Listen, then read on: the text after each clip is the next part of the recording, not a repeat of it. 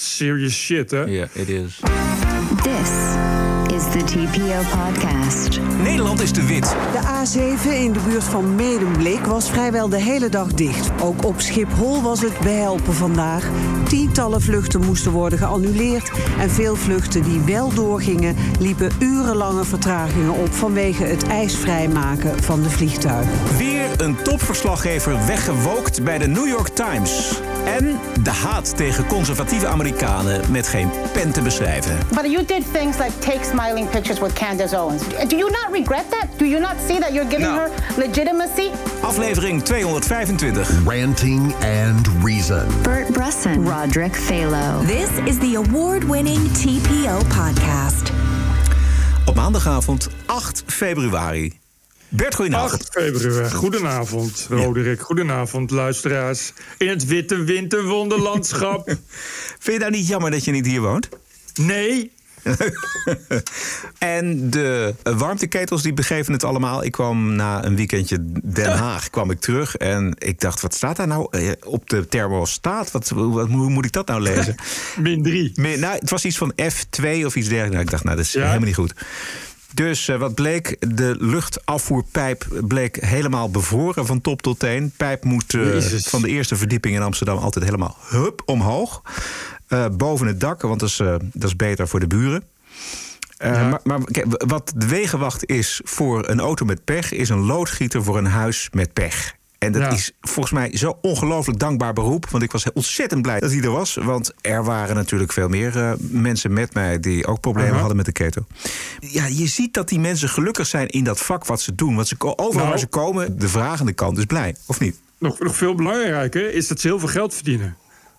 Eh, o- terwijl het is natuurlijk eh, relatief ongeschoold werk. Het is niet dat je naar de, vier jaar naar de universiteit hoeft, zou ik maar zeggen. Ja. Eh, maar er zijn steeds minder loodgieters.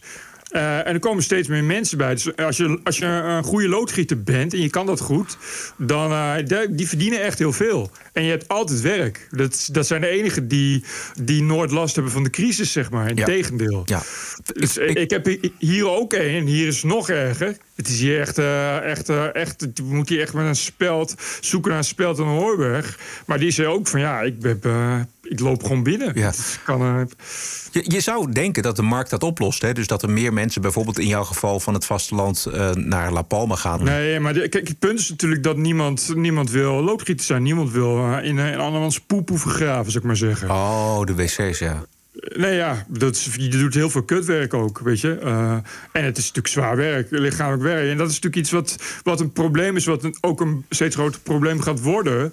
Want mm, ja, eh, niemand wil dat nog. We zijn allemaal, worden we steeds hoger opgeleid. We willen allemaal willen we een, eh, eh, een baantje waar je niet zwaar lichamelijk werk hoeft te verrichten. Maar als er nou zoveel geld mee te verdienen valt, wat kan jij dus Ja.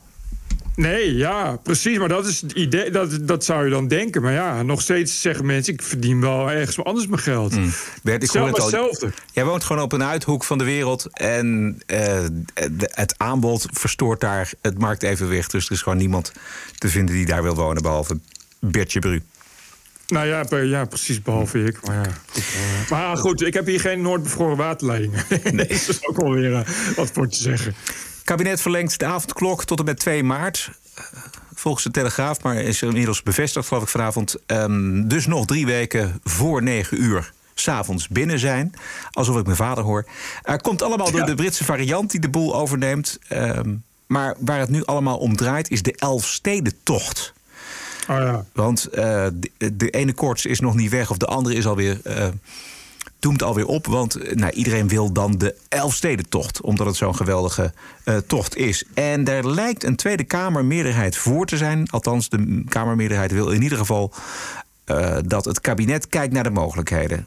Rob Jetten voorop. Het gaat mij op de eerste plaats echt om de natuurtochten die al op korte termijn kunnen plaatsvinden. Mocht zo'n Elfstedentocht historisch er ook in zitten, ja, laten we dan ook kijken wat er kan. En niet dat zwart-wit denken waarbij we of alles verbieden of alles toestaan. Het, kijk, ik weet niet of jij een schaatser bent, Bert. Ik ben niet zo'n Nee. superschaatser, ik ook niet. Maar het aardige is natuurlijk wel dat dit een leuk dilemma is om te kijken hoe dat allemaal verloopt. Want alles wordt afgelast, niets mag meer. Je mag niet meer dan met uh, pak een beetje 30 mensen op het museumplein staan. En dan zou je wel de tocht der tochten gaan organiseren. Of daar in ieder geval fiat voor geven. Ik weet het niet of dat. Er wordt nu gespeculeerd van, nou ja, we, hij zou eventueel gereden kunnen worden, maar dan zonder publiek. Ja, Ga dat maar eventjes handhaven. Reet aan, hè? Ik wou net zeggen, dat gaat natuurlijk niet lukken. Het hele idee van een Elfstedentocht is natuurlijk dat er ook publiek bij is. Ja.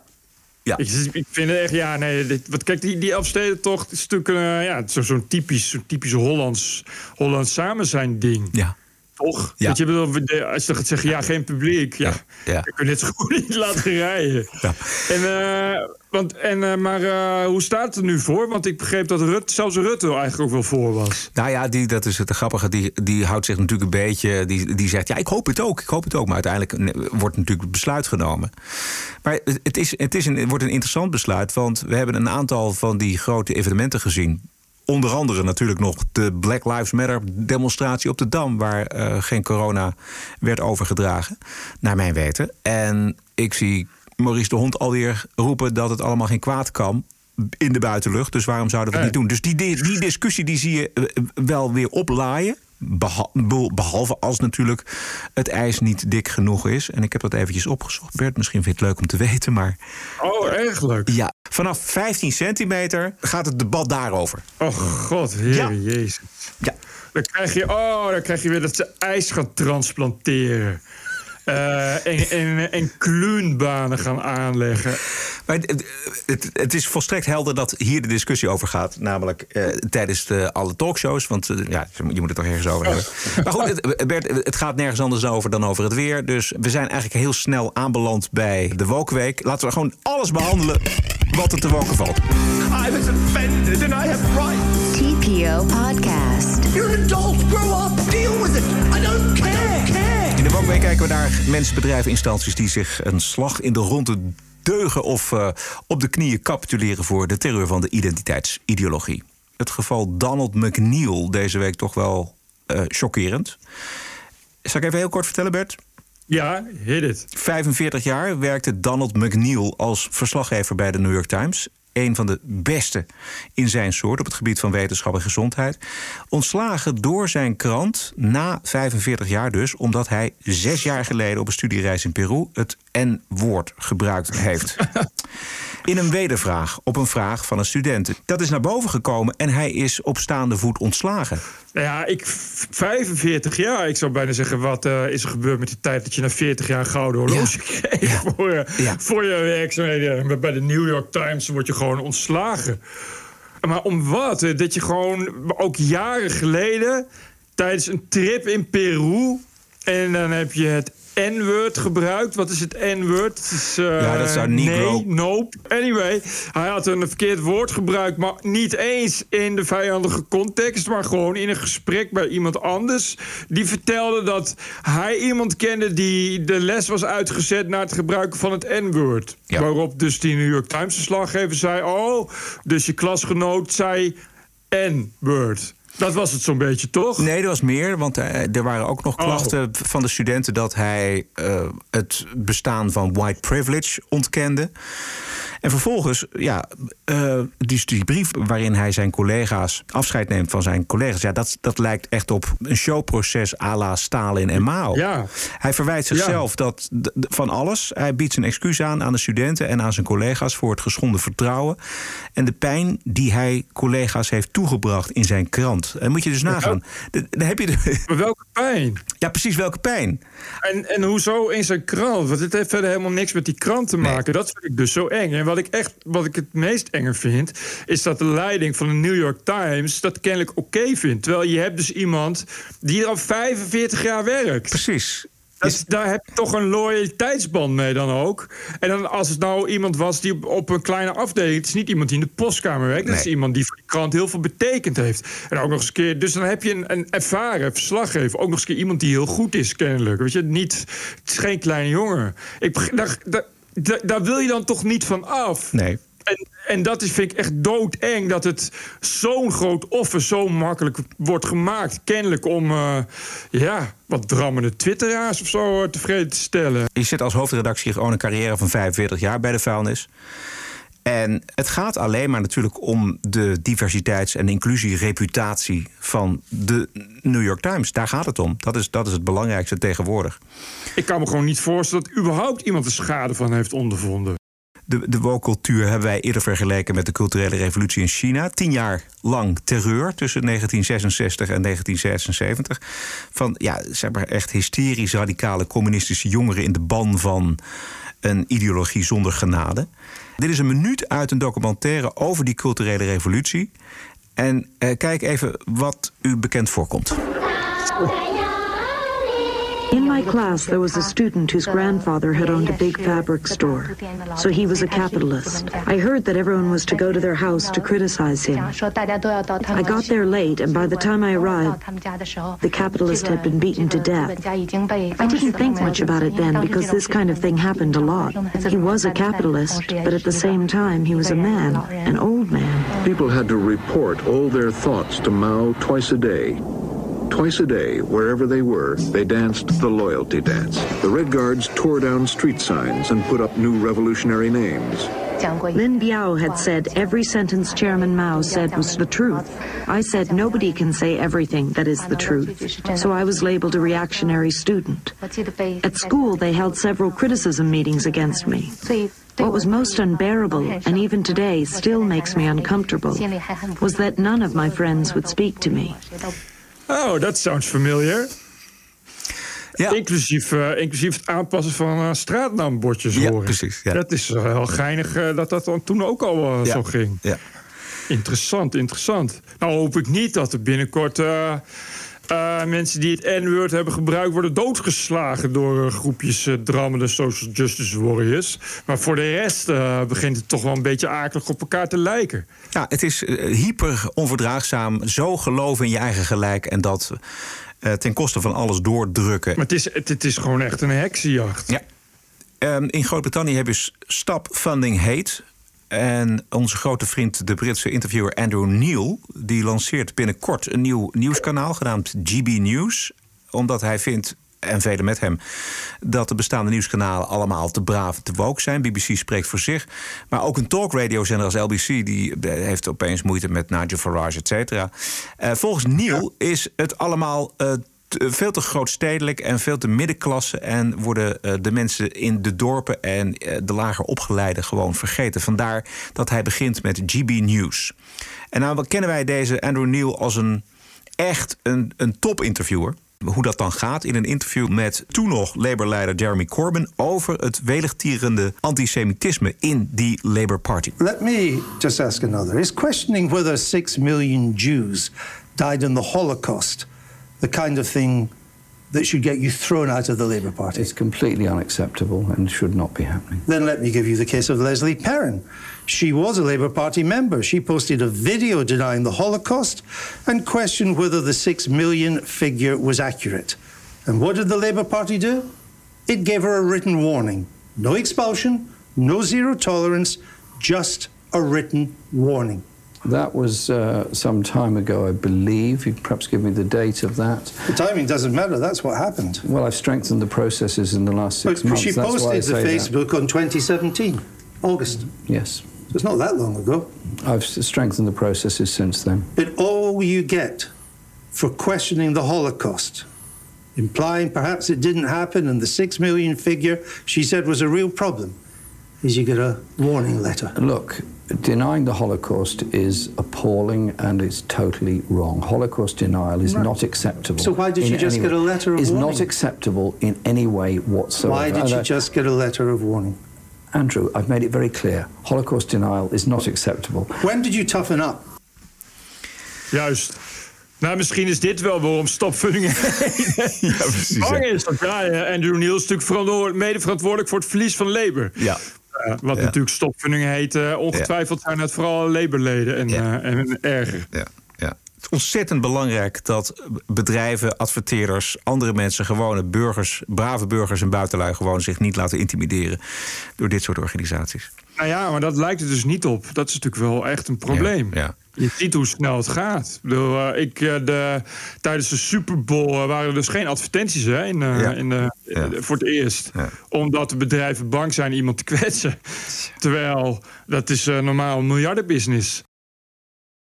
Marilyn Manson, heb je dat gevolgd? Vertel.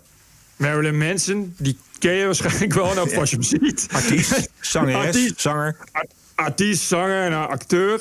Eh, die had ooit een relatie met een van Rachel Wood. Eh, een actrice. Die actrice die is neten. Dat zeg ik even bij.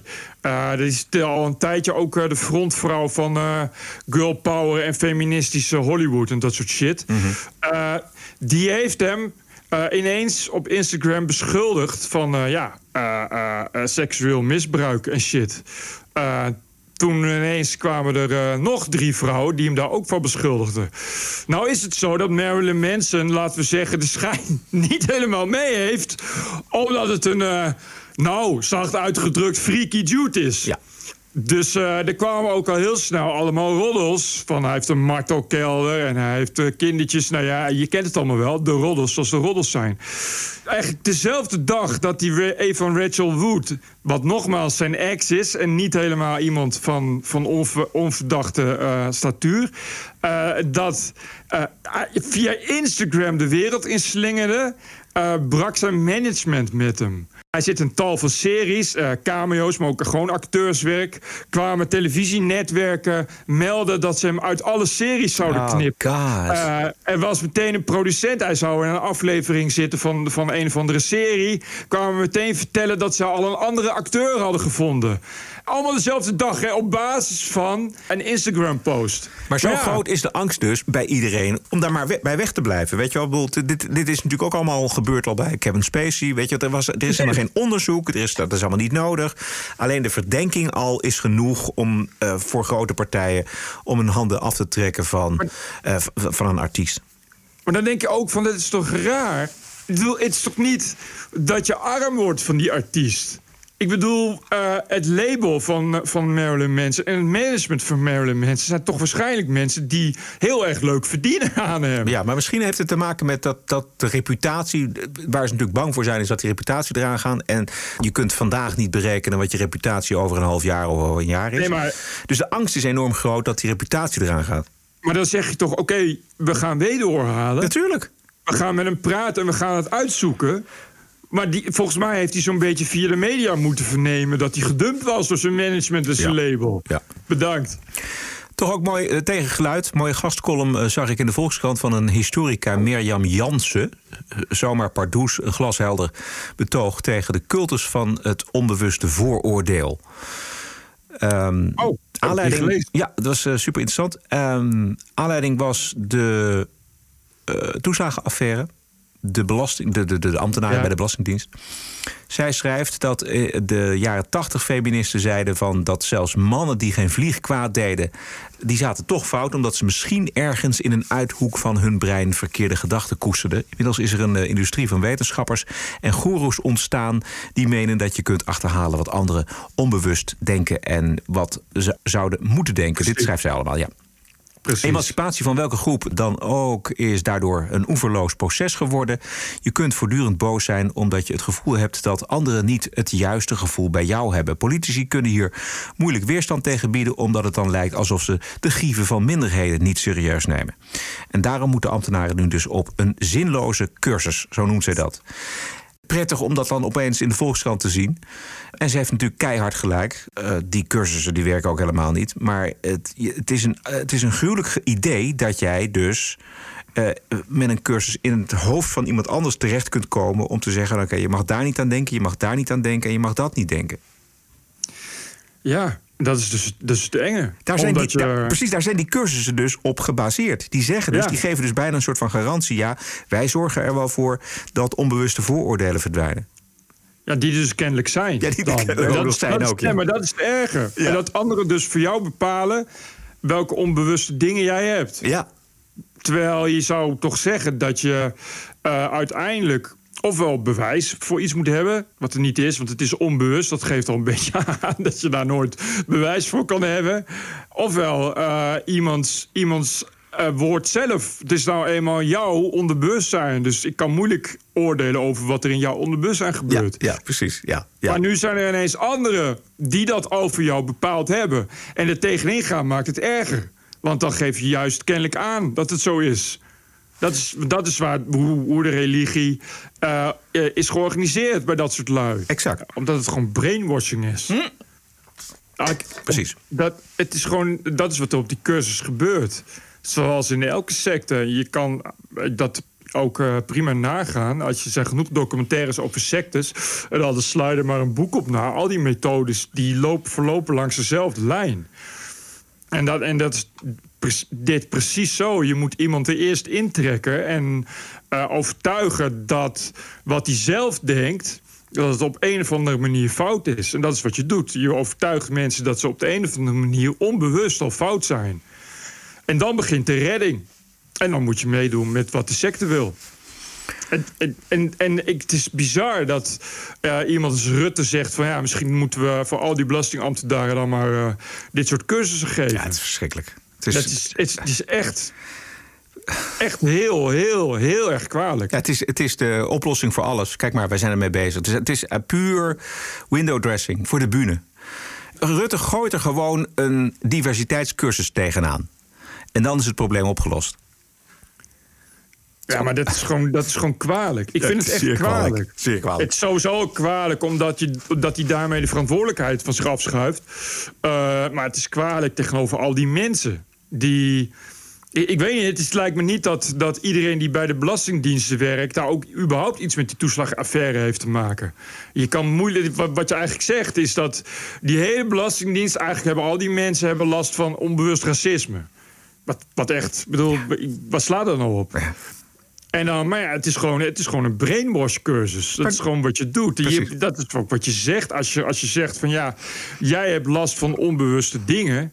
Ja, jij bepaalt dat niet voor mij. Ik bepaal dat wel voor jou. Ja, dat kan, dan, kan, dat heeft, kan alleen maar uh, uh, uh, voet in de aarde krijgen... als je iemand ook brainwasht. En als iemand daar uiteindelijk dan mee akkoord gaat. En zegt, oh, oké, nu, nu begrijp ik het wel. Ik was inderdaad onbewust was ik fout bezig. De redactie van RTL Nieuws die zit uh, al een tijdje flink op de, op de waar de diversiteitsbokaal van de NOS uh, nogal bleek bij uitslaat. Zo werd er eerder onder een stuk over white privilege... werd er een kadertje geplaatst uh, wat je zelf zou kunnen doen aan racisme. En een van de tips van de redactie was geld doneren aan een antiracisme-organisatie. Het afgelopen weekend had de RTL-website een soort quasi-analyse over de prangende vraag... hoe komt het toch dat er bij de avondklokrellen bijna alleen maar mannen betrokken waren. En het antwoord wordt dan gezocht bij een sociologische kletsmajor. Uh, die de woke-term toxic ja, ja, ja, masculinity wilde gebruiken. Nou ja, en dan uh, ontrolt zich het antwoord vanzelf. En wat er uitkwam ook uit die socioloog is echt... Uh, dat waren echt opvattingen die volgens mij al sinds de jaren zeventig... niet meer helemaal uh, in zwang zijn. Het was echt een verhaal van ja... Is, dus mannen worden gewoon opgevoed en, als, als macho. en mannen kunnen gewoon niet zo goed met hun gevoelens omgaan. Maar het is allemaal schuld van toxic masculinity. Weet. Ja. De oplossing die eruit rolde was natuurlijk... we moeten als maatschappij mannen anders gaan opvoeden, opvoeden... en dan komt het allemaal goed. Weet je, het woord hormonen kwam gewoon niet voor of zo. Was ik niet, want dat zijn biologische feiten. Daar ja. moet je natuurlijk als socioloog ver van blijven. Uh, het was dezelfde socioloog die uh, iets daarvoor ook al in het nieuws kwam. Uh, socioloog uit Nijmegen. Omdat hij een onderzoek had gedaan waaruit echt heel verrassend bleek... dat er binnen de islam en binnen islamitische groeperingen... helemaal niet per se sprake is van homohaat. Oh. Het is vooral, vooral de schuld van islamofobie. Dus, je begrijpt, het is een toponderzoek. Een top, top, top onderzoek. Ja. Het is zelf een blanke man die op een vrouw lijkt. Die had het samen met een andere Nijmeegse wetenschapper gedaan. Een blanke mevrouw. Ja, Roosmarie uh, Buikema. Ja, en die waren al door geen stijl door de mangel gehaald. En die haalden ook het nieuws. Uh, en dus, ja, die gast die bij RTL Nieuws zat... die dacht, weet je wat, ik ga meteen hem bellen. Want dan weet ik wel wat de uitslag wordt. Precies ja. wat ik wil. Ja.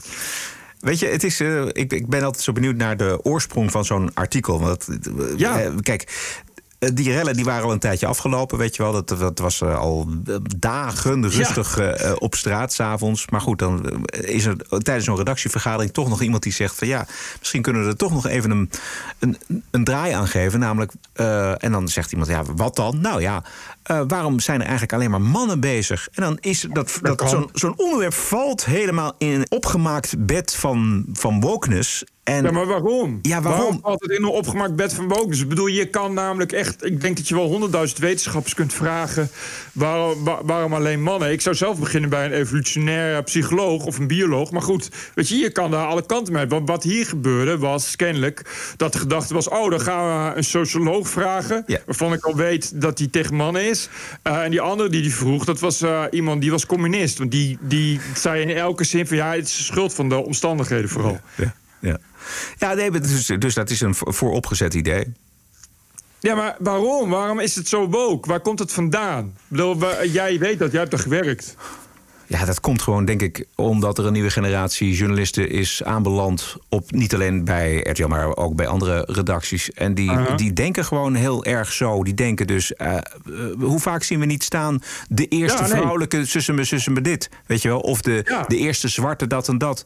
Dat, is, dat zijn gewoon vaste onderdelen van de journalistiek geworden. Dat is gewoon een onderwerp, omdat het de eerste vrouw is. De eerste zwarte, de eerste uh, Aziatische, de eerste wat dan ook. Als je dus denkt in identiteiten, dan kun je ook heel gemakkelijk zo'n onderwerp kwijt bij een eindredactie. Zeg nou, oké, we hebben het over de avondklokrellen. Maar ja, kijk eens, het zijn alleen maar mannen. Hoe komt dat? Oké, maar moet zo'n eindredactie dan niet zeggen... ja, leuk en aardig, maar dit is wel een beetje heel erg eenzijdig. Nou, misschien is het handiger om, uh, om er nog iemand bij te vragen... Die, die dat van de andere kant bekijkt. Of, ja, ik, ja, een deskundige of zo, of een statisticus. Van, is het eigenlijk wel zo? Want als je dit leest, zou je toch denken... ja, het lijkt wel propaganda, gast.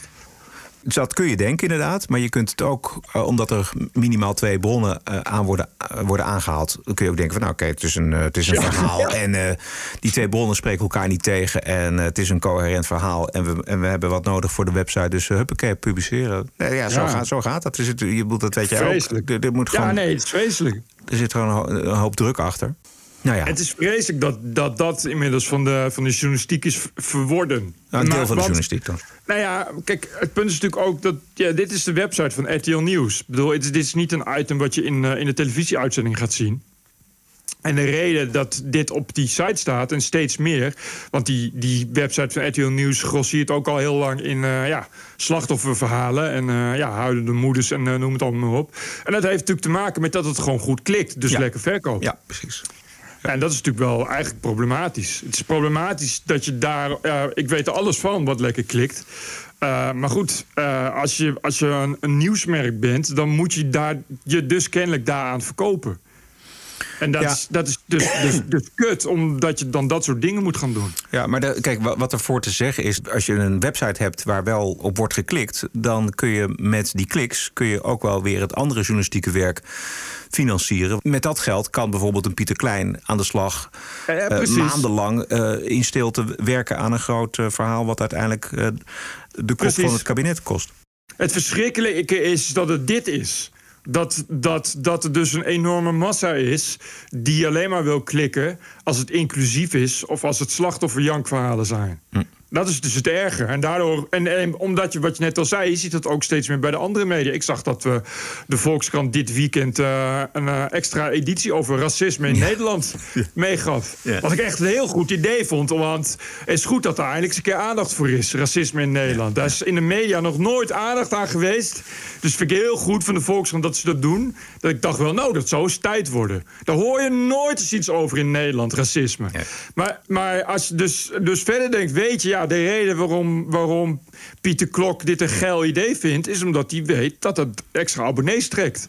En, en extra, extra lezers.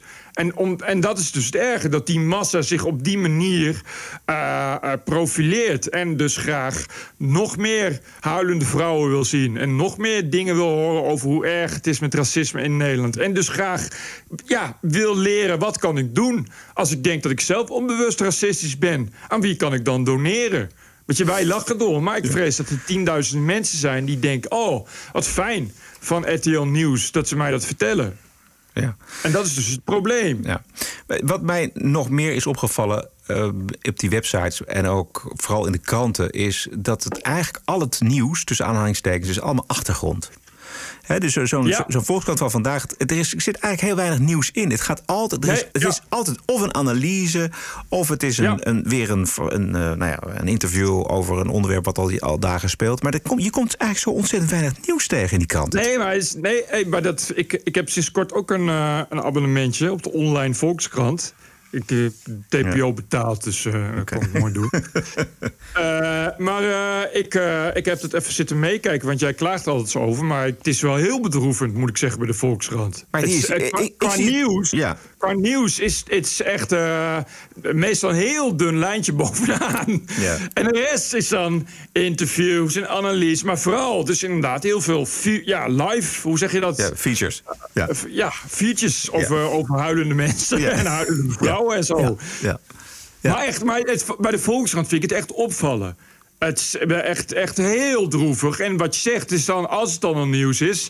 dan zijn er drie regels. En dan moet je het weer terugvinden in een of andere feature. Ja. Die, dan, die dan weer een, een socioloog ja, ja. als expert ja. opvoert. Ja, vroeger had je dus een, een, apart katern. Dat heette dan achtergronden. Maar dat is tegenwoordig is dat gewoon de voorpagina... en alle pagina's die, die daarna volgen. Terwijl en dat is, ik vind uh, NSC een heel stuk beter. Daar heb ik ook een abonnement op. En ja. NSC vond ik altijd een kutkrant. Maar die hebben nog best wel veel nieuws. De, waar dan ook gewoon nieuws als nieuws. Die kun je ook gewoon echt nieuws lezen, zeg maar. Dat je ook ziet, oh, die hebben vaak ook wel eigen nieuws, de scoops en zo. En dan denk je, oh, dat is best wel hard nieuws. Gewoon zonder dat je dan denkt van, jongen. Ja. Zonder dat ik dan uh, iets, nog uh, iets moralistisch hoef te lezen en zo. Ja. Ja, ja kijk, als je naar iets kijkt als de correspondent. Ik lees het nooit, maar als je het wel leest, zijn het ook ellenlange slachtofferverhalen van mensen die in de ik-vorm schrijven. Ik vind journalisten die in de ik-vorm schrijven echt, echt verschrikkelijk. Maar dat is, dat is, dat tegenwoordig is dat helemaal bonton. Mensen vinden dat prachtig zo'n mooi open verhaal over iemand die zich kwetsbaar opstelt. Ja, het zit maar helemaal niks wat een journalist Het zit maar helemaal niks wat jij wil. Flikker op met die kut, ik deed tussendoor. Maar dat is, dat is tegenwoordig allemaal heel normaal. En dat is dus wat, wat, eh, wat het publiek wil. En ja, en het publiek bepaalt. Speaking of, als ik nog heel even ja, mag, zeker. Heeft niet zoveel met woke te maken, maar dit was wel grappig. Uh, de media kwamen zaterdag, geloof ik, op vrijdag door met het uh, angstaanjagende bericht dat maar liefst 82% van alle jongeren tegen een burn-out zat, aanzat. Uh, en dat had natuurlijk te maken met de lockdown en de coronamaatregelen. ik, dat nam iedereen over. Ik had er ook een leuk cynisch stukje over getikt. Vooral om aan te geven dat het waarschijnlijk wel niet zo zou zijn. Nou is dus iemand als Luc Ikink. Luc Ikink is iemand die presenteert bij RTL Boulevard, geloof ik.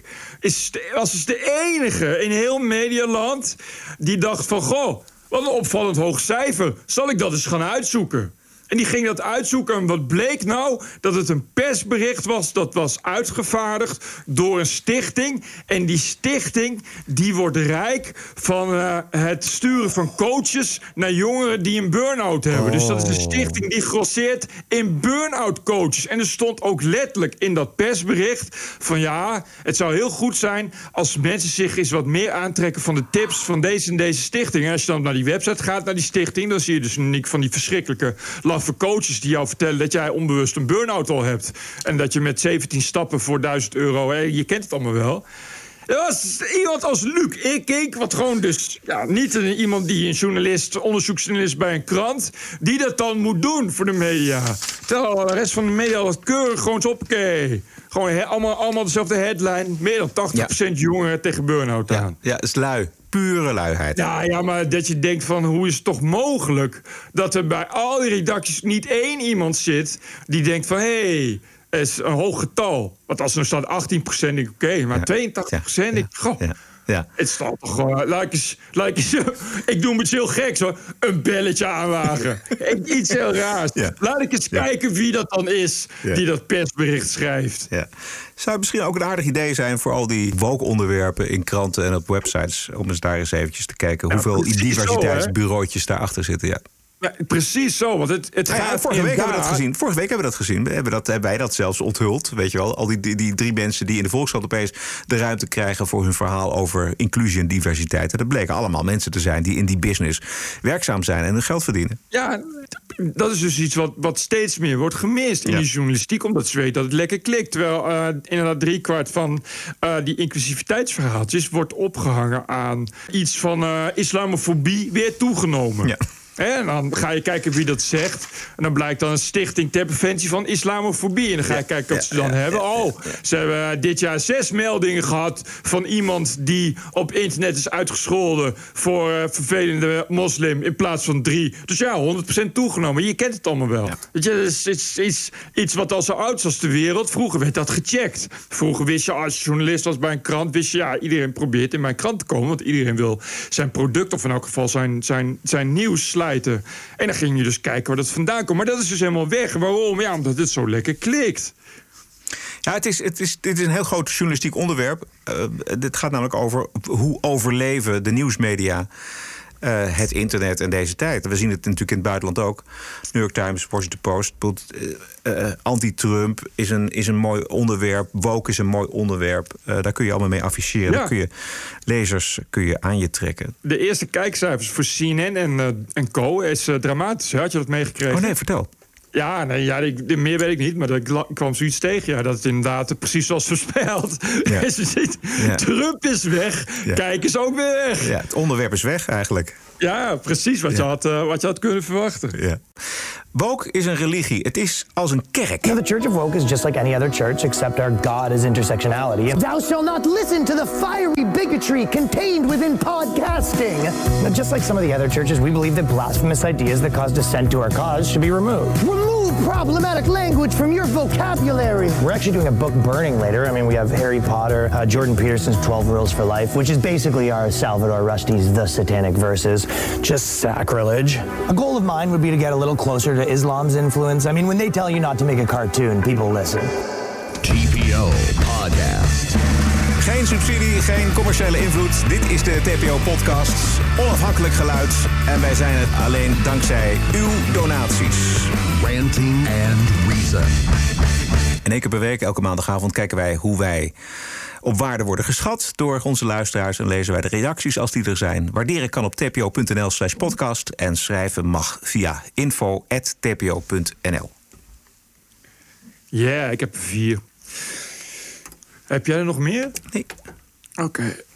Mark schrijft: Ik heb net 33 euro in het collectebakje gedaan.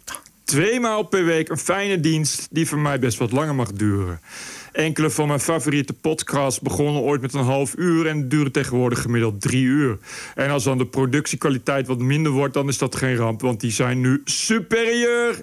No jingles, no karma. Mark uit Zwolle. Eh, Simon, ja, Simon, ik ben te moe voor dit soort dingen. Simon die eh, zegt dat hij eh, heeft gedoneerd en begint daarna een uitgebreid verhaal waarom Thierry Baudet wel goed is en waarom wij het Oh. allemaal fout hebben en waarom het allemaal. Simon, ik heb hier echt, echt zo geen zin in. Maar Simon, dankjewel voor je donatie. Ja, vooral blijven doneren, Simon, maar we gaan het niet toch anders doen. Moeten we, dat Eh, nog, moeten we dat nog uitleggen, Bert? Want misschien moeten we dat een klein beetje uitleggen. Dat, ehm, dat soort discussies, eh, zo eh, hebben wij gewoon geen tijd voor. En daar hebben we ook, eh, precies wat Bert zegt, ook geen zin in. Want we zijn gewoon bezig met onze. Met die, met die podcast voorbereiden, iedere week twee keer. En ehm, dat soort debatten, of het nou via LinkedIn gaat, of via de mail, of via wat dan ook, dat heeft gewoon geen zin met ons. Je, je mag ook zeggen van, ik luister niet. Dat vinden we ook goed. Dat vinden we helemaal niet erg. Maar wij hebben het niet voortdurend over Thierry Baudet. En we wisselen ook eh, eh, wel eens van mening over hem. Maar daar moet een aanleiding toe zijn. En voor de rest zijn dit soort debatten die je wil voeren met ons echt eh, verspilde moeite. Het punt is, het is gewoon geen debatprogramma. Nee. Ik bedoel, ja, wat, ik snap gewoon niet dat die mensen dat sturen. Ik vind, ja, wat, wat, ja, sorry, maar de, wat, dat hebben we, al, we hebben het gezegd en dat was het. Je Ja. kan er niet nog eens een keer op terugkomen of zo. We gaan Nee. er niet nog eens een keer. Nee. eh, Ik, bedoel, ik heb hier nog één van Luc. Is precies hetzelfde, maar dan over eh, corona en coronamaatregelen. Mhm. Dus uh, Luc, ik ga alleen het begin uh, en eind van je, je mail... die uh, ongeveer 10.000 woorden lang is. Beste Roderick en Bert, wederom met veel genoegen, genoegen geluisterd... naar de podcast van vandaag, gisteren. Er moet mij wel iets van de hart. Oké, okay, hartstikke bedankt, Lucas. Fijn dank voor je donatie. Erwin Jousma, beste Bert en Roderick... Ik luister nu zo'n twee jaar naar de TPO-podcast... en dat feit alleen al bewijst al hoe dit mij bevalt. Uh, ook post ik regelmatig een aflevering met een kort, korte samenvatting op mijn socials... om jullie geluid te promoten. Kijk, dat is heel goed. Leuk. Daar hebben we wat aan. Met veel waardering heb ik 204 euro overgemaakt... voor jullie goede werk de afgelopen twee jaar. Geweldig. Ik ben naast docent in het MBO ook statenlid voor de FVD. Dus zo vloeit er weer wat welverdiend belastinggeld naar jullie terug. dat is een elk geval chic. Uh, ik zou wel graag dan twee onderwerpen kunnen aandragen ter beschouwing van de komende aflevering. Eentje is wellicht een klein beetje herhaling, maar wel, herhaling, maar wel relevant. Omdat er nu 37 partijen meedoen aan de verkiezingen. Namelijk jullie kijken op de visie van Maurice de Hond. En jullie kijken op de Great Reset. Ga zo door. Hartelijke groet, Erwin Jousma. Erwin, dankjewel. Dit is de TPO-podcast. Een eigenzinnige kijk op het nieuws en de nieuwsmedia. Elke dinsdag en elke vrijdag. Twee keer per week. Het hele jaar door. Zonder reclame en zonder een cent subsidie. 100% onafhankelijk. The award-winning TPO podcast. Wat is het jou waard? Kies een euro per aflevering, 104 euro per jaar... of kies zelf een bedrag. De TPO-podcast. Wat is het je waard? Doe mee en doneer op tpo.nl slash podcast. TPO Podcast. Ladies and gentlemen, the President-elect of the United States.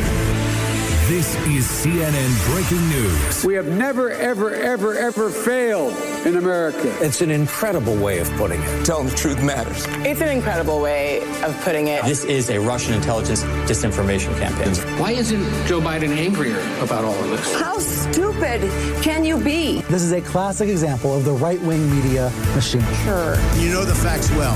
Go ahead.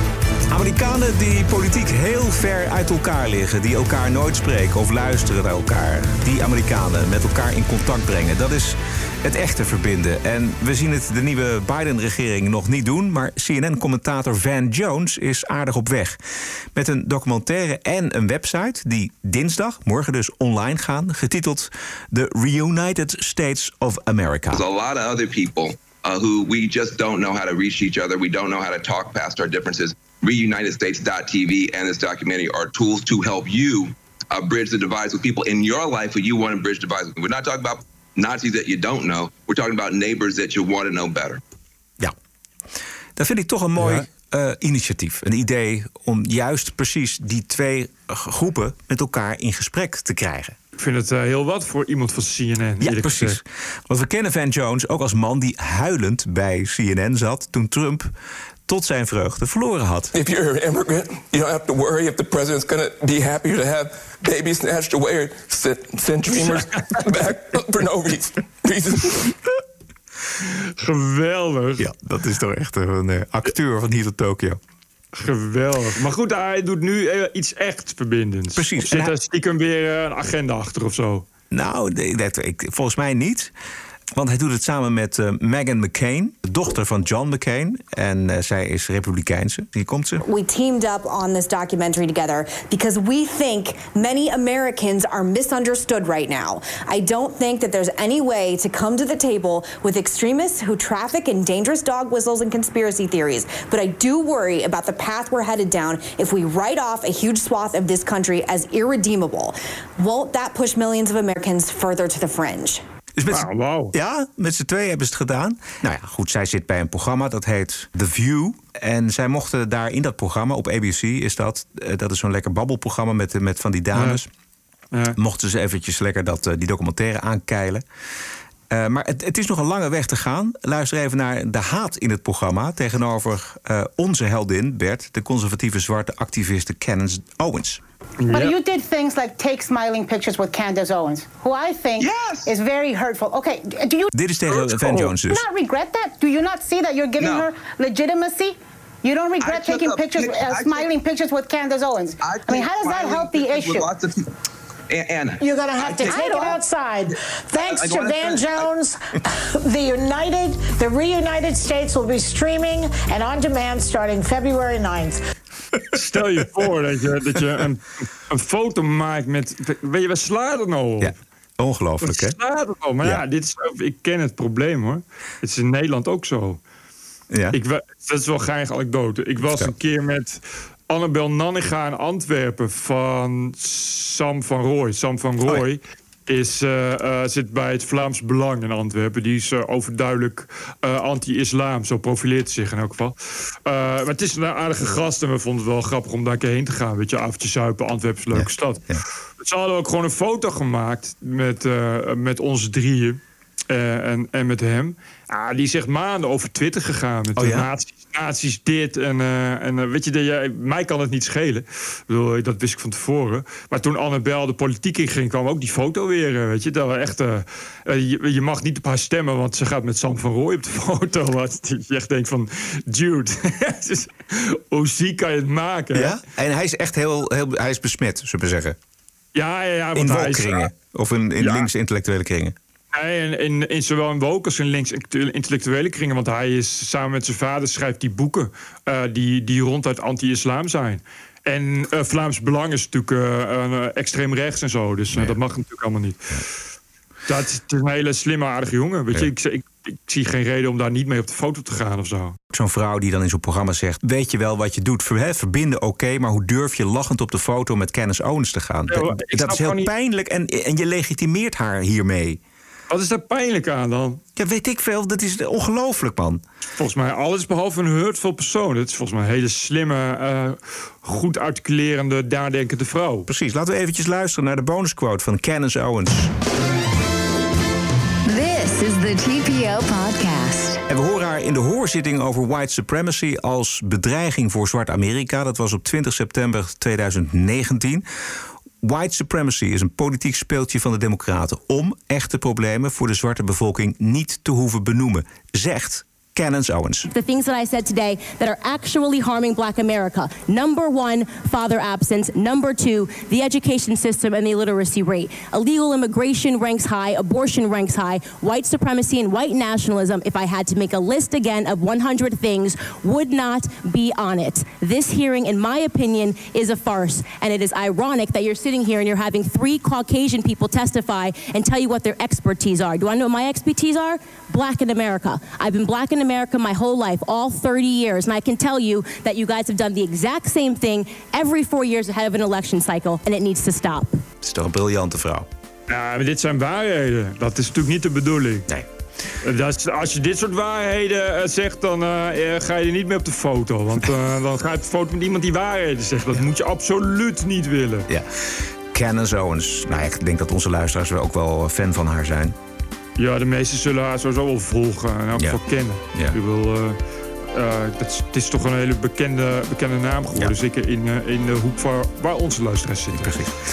De TPO-podcast is te vinden op onder meer Spotify, Apple Podcasts en natuurlijk op tpo.nl. En op YouTube, niet te vergeten. Zeer veel dank voor de ondersteuning van aflevering 225. Post kan naar info.tpo.nl en waarderen kan op tpo.nl slash podcast. We zijn terug vrijdag 12 februari. Stay cool, tot vrijdag. Heb een mooie week in de sneeuw.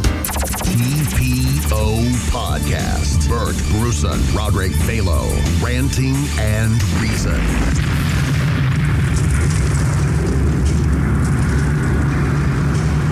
Nederland is een wit land. Podcasting is the TPO podcast in the Netherlands. Bert and Roderick. What a show. I'm telling you.